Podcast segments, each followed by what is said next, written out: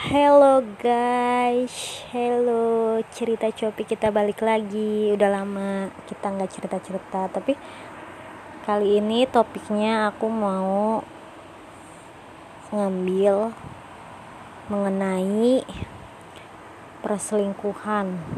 Wow, di sini ada artikel tentang perselingkuhan gitu tapi menurut gen coba ya aku bacain dulu nih ya guys.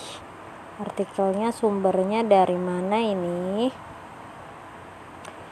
Dari line. No no no. Iya wadahnya lain tapi ini dari line today yang live. Bukti studi orang yang memiliki gen ini ternyata rentan untuk selingkuh.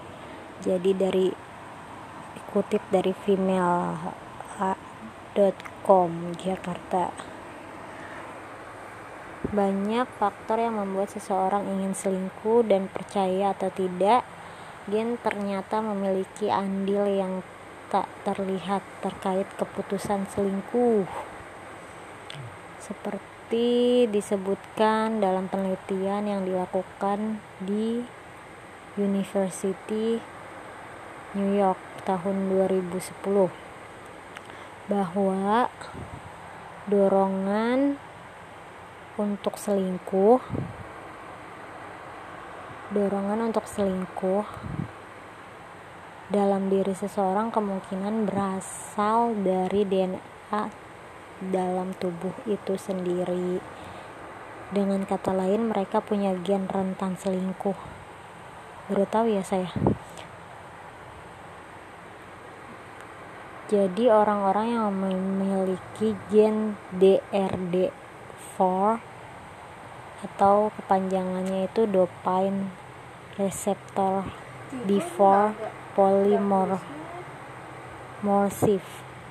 atau disebut juga gen pencari tantangan dan petualang.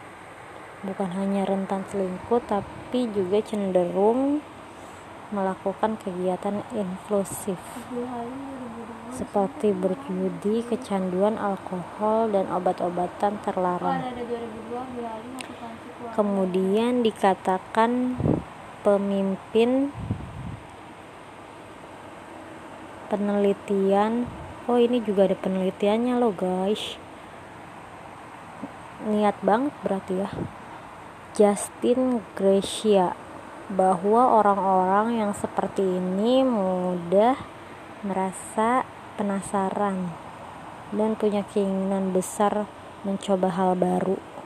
Meski di satu sisi gen ini sangat baik dimiliki seseorang, di sisi lain ketika tidak bisa menempatkan diri dengan benar juga bisa merugikan diri sendiri. Salah satunya adalah bertindak influensif dengan cara selingkuh. Kemudian tidak semua orang yang suka berpetualang dan suka tantangan itu disebut dengan perselingkuhan ya. Tapi pengaruh eksternalnya atau di luar DNA-nya itu juga membantu membentuk kepribadian seseorang itu akan lebih baik jika mereka tahu pentingnya komitmen. Terlepas memiliki DNA itu atau tidak. Oke. Intinya jadi kalau mau menjalin hubungan atau relationship itu emang harus punya komitmen dan semuanya dititipkan kepada Allah ataupun Tuhan. Itu sudah amat-amat paling kok amat-amat paling paling keren banget sih. Oke okay, guys. Cerita Copi sampai situ dulu ya. Cuma bacain artikel aja sih tentang perselingkuhan tapi ya lumayan sih. Kalau menurut university sama penelitian itu kan berarti kan memang dibedah ya.